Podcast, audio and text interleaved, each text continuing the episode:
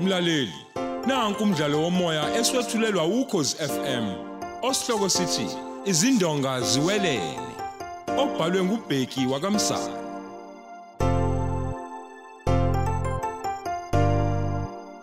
nasi isiqephu samashumi amabili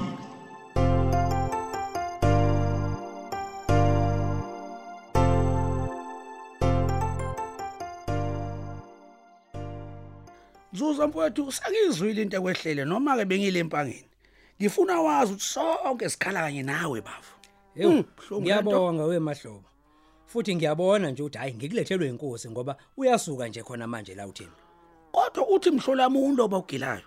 Uyabona mahlobo. Mhm. Akobonga nangu nina ngoba mina bengimxosha nje lokwangempela. Ew. Ubezocela la ukuthi simphelezele eze ezoxolisa Mm, ngenkomo kantombela.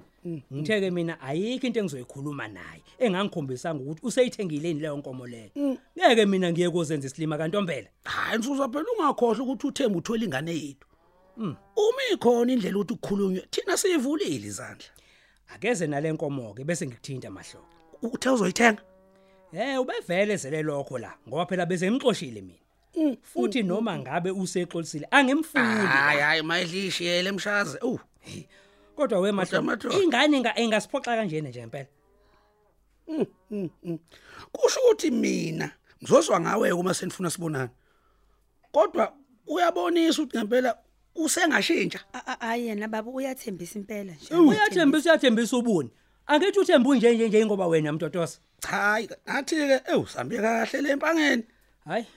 Mina ngiyakubongela. Uzenzile akakhalelwa. Hi, Mina sengisaba nokumbheka nje uzakhe. Hayi nina noma belani nacala. Uthemba imdala manje. Futhi nokuthi sizazivuma ukukhuluma naye sobe senzela nina. Uthi uphi lo mgulukudu wakhe? Hayi. Phela baxabane khona nje lapha mkwethu. U u- Ababhekani nje manje. madoda.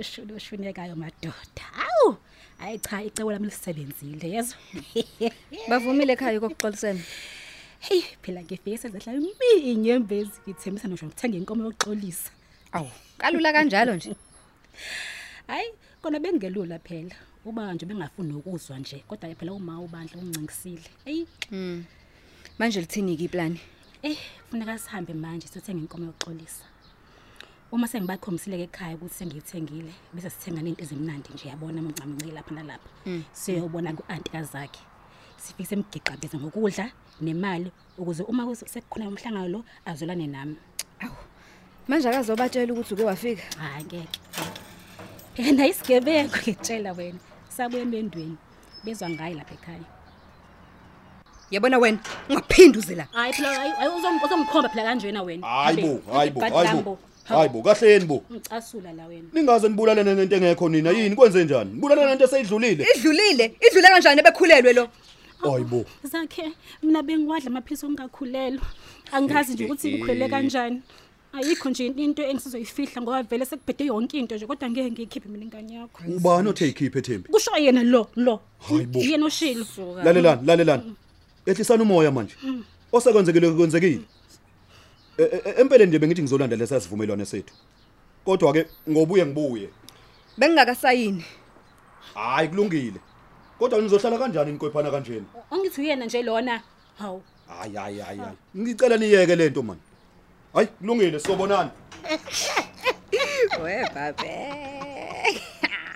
yeyi samshaya wadabuka silima leyo eyi phela lo ubuya belenhliziyo enhle sidididi eyi pho akusho-ke manje ukhuluma ngani vele isivumelesane lesakhuluma ngaso impela oh konje phela ufika usasekhaya um uzakhe phela usengumastende wami laphaya kula mahhovisi ethu hayi bo usho kutheni ukuthi usewumastenda wakho lo uselithengile ibhilidi sonke nje laphaya sesizokoka kuyena yini hawu thembi uthi uswayini ngoba phela uyithenge ngemali yami yo heyi madoda kusho ukuthi vele lo ufuna udanse isigingqi sakhe ngempela hayi kanti ushaye phansi-ke ngoba ngiyayidayisa manje mina Hawu. leya nkampani ewu i- yini ndaba Eh Thembi, asikhulume sibe sihamba singena emotweni. Sengaze kuvalwe phela la kudayisa khona inkomo.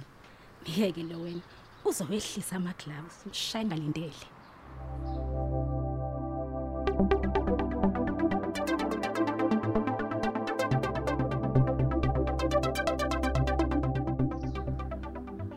bafo yantombela ngivele lapha kukhenela mfowethu mayelana nesivumelwano hey uma ngingena lapha na mfowethu uthembi nokhenela bafuna ukubambana ngezandla hawu manje wena wabukeka ukhathazekile ungenapho nantombela lapha hayi hayi kahle bafo ngizwe ngako ukuthi uthembi uthwele ingane yami angithi manje bazohlala kanjani uma bekwephana mfowethu kanjena uthembi kade ekube ocela ukuthenga inkomo ukuxolisa kuthina hayi bafo ecela abazali bamphelezele azoxolisa bafo hayi suka suka suka ayikho leyo nto uthemba kusiyena umuntu owaziyo ukuthi uyini ukuthi kuyaxolisa mfowethu pho uyithengelani inkomo ibi leyo nkomo uye kuyoyithenga bafo hayi hayi bafo njengoba ngifike nje elwa nokhenele hayi mhlawumbe nje bothatha imali njengoba ngisho nje bafo ukuthi ya angikholwa nokuthi u- uthemba ngabhala igama lethu uyaxolisa manje ke pho wenzani hayi bafo Hmm? ikhona intalelo phezu kwayo izwa ngami U- u- usho kanje bafo Ya. la sikhuluma ngothembi umuntu wahluna amaphoyisa esegqolo esemgqolozele efuna ukhenela zonke manje bafo uma befika nale nkomo senze njani ke thina mfokithi ya mina ngithi khona kodwa into alele phezu kwayo lokuthembile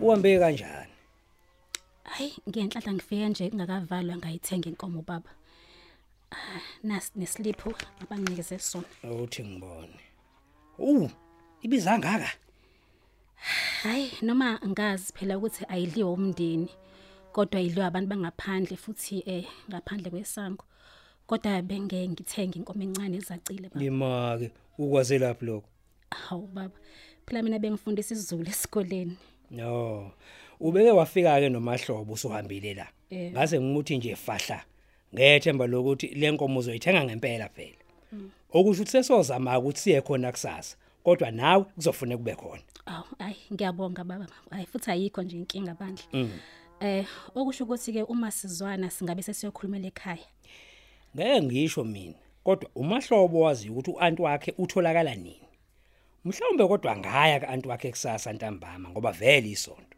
hayi usho ukuthi sengozwa ngawe ke baba em futhi ngiyabonga kakhulu baba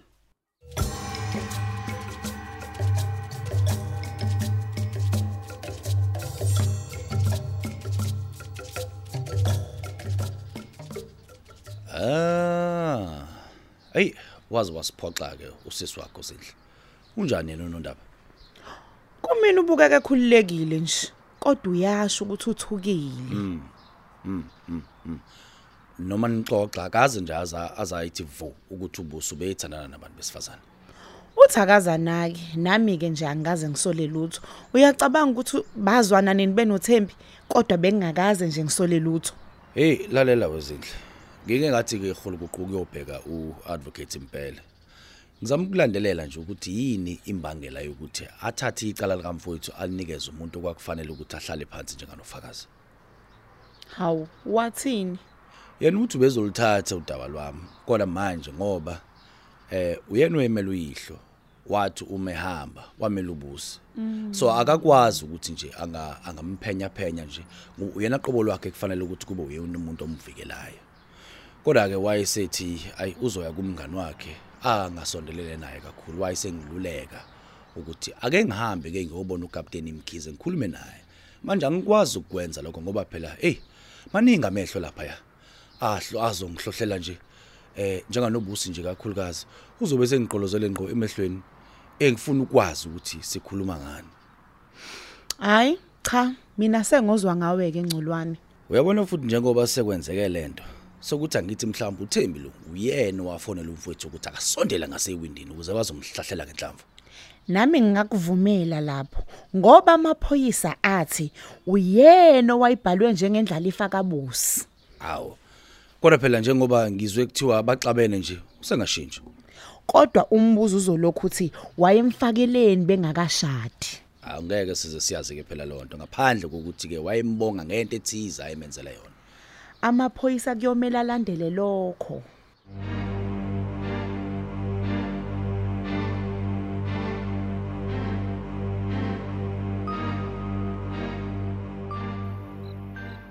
Hawu. Ngavakashele uwena ebusuku nezinto ezimnandi kangaka makoti.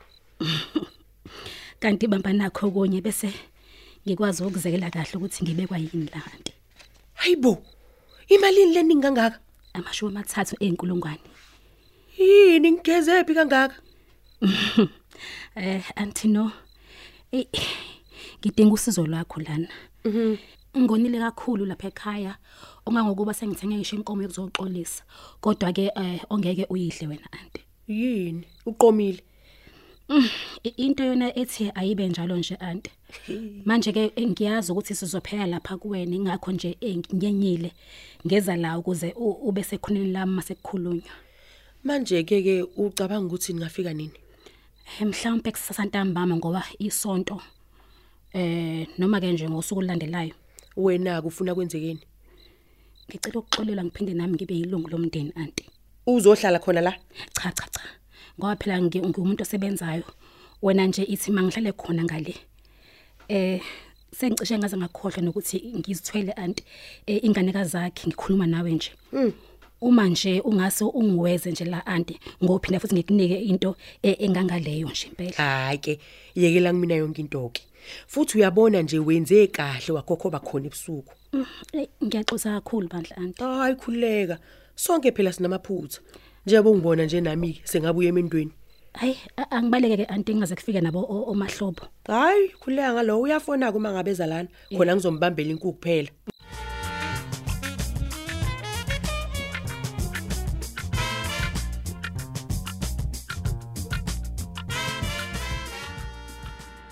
Ey ubafu, sengithola ucingo lo oluvela ku- kunzuza. Eh, Engicela ukuthi ngibe la kwakhe kuseni mayelana nokuxolisa kaThembi. mana mana mana bafu. Mhm. Useyithengile inkomo. Hawu uthi useyithengile.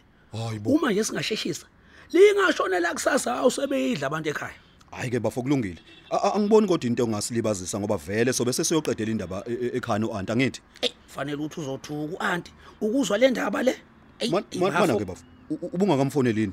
Cha lutho bengamfoneli. Noma bese ngazi ukuthi uThembi uzothenga inkomo.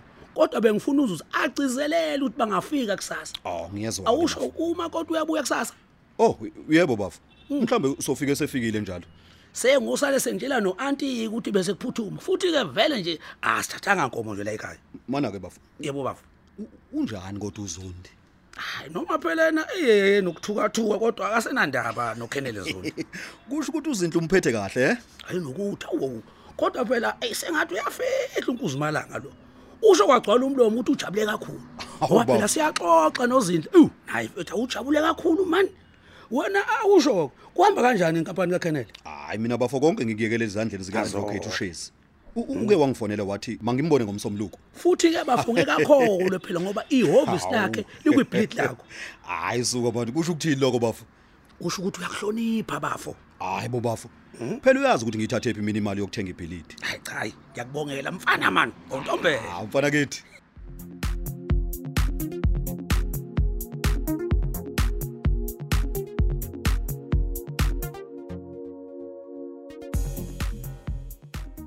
Awu. Mzobe. Yini sengonini ngavakashelwa uwena ngikwami kwenze njani? Hayi kanti akho lutho mfowethu ngizokuthatha njenganenhlanhla nje ukuthi ngikwazile ukukuthola captain. Awu.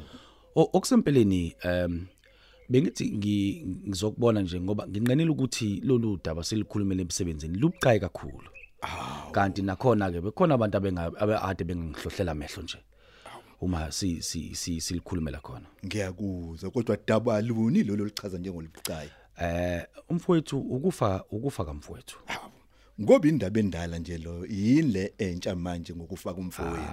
Kanti un- ungasho uliphindeke indala yona kodwa kukhona enokusha ngako lwakhuhla ngothi ngiphuthume. Ah, kanti lutho mfowethu ngeke nje ngithi khona okusha kodwa ngithe mengizwa lolu daba ukuthi seliyanyakaza khona nezinto engithi mengizikhumbula enganganemeneze ngazo Yini leyo mzoba awukhulume ngizwe. uyazi ngikutshele ngesikhathi kushona umfowethu Ya. ngicabanga ukuthi nenza iphutha ukuthi umuntu okwakufanele ukuthi nimphenye njenganomsolo Mm. kodwa nanikeza yena ukuthi akaphathi icala Angazi noma usukhenele zondini. Ngisho yena impela. Oh, hayi cha.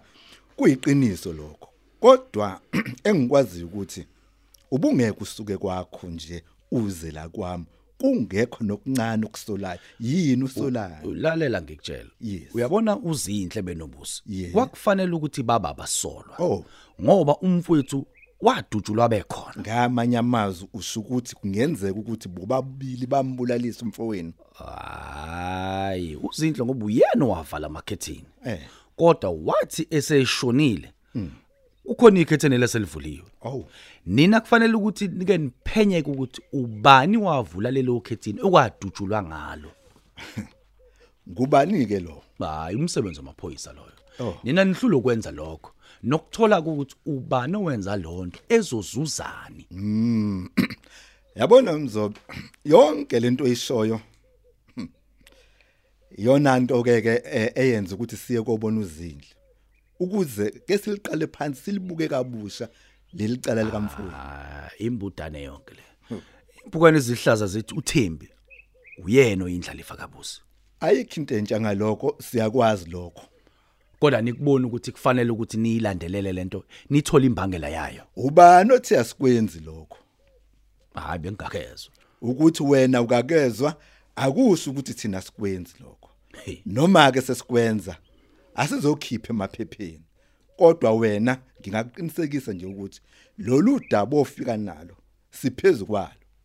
Eh ake ngicacise. Asisho ukuthi asibongi ngemizamo yakho wemstimzobe.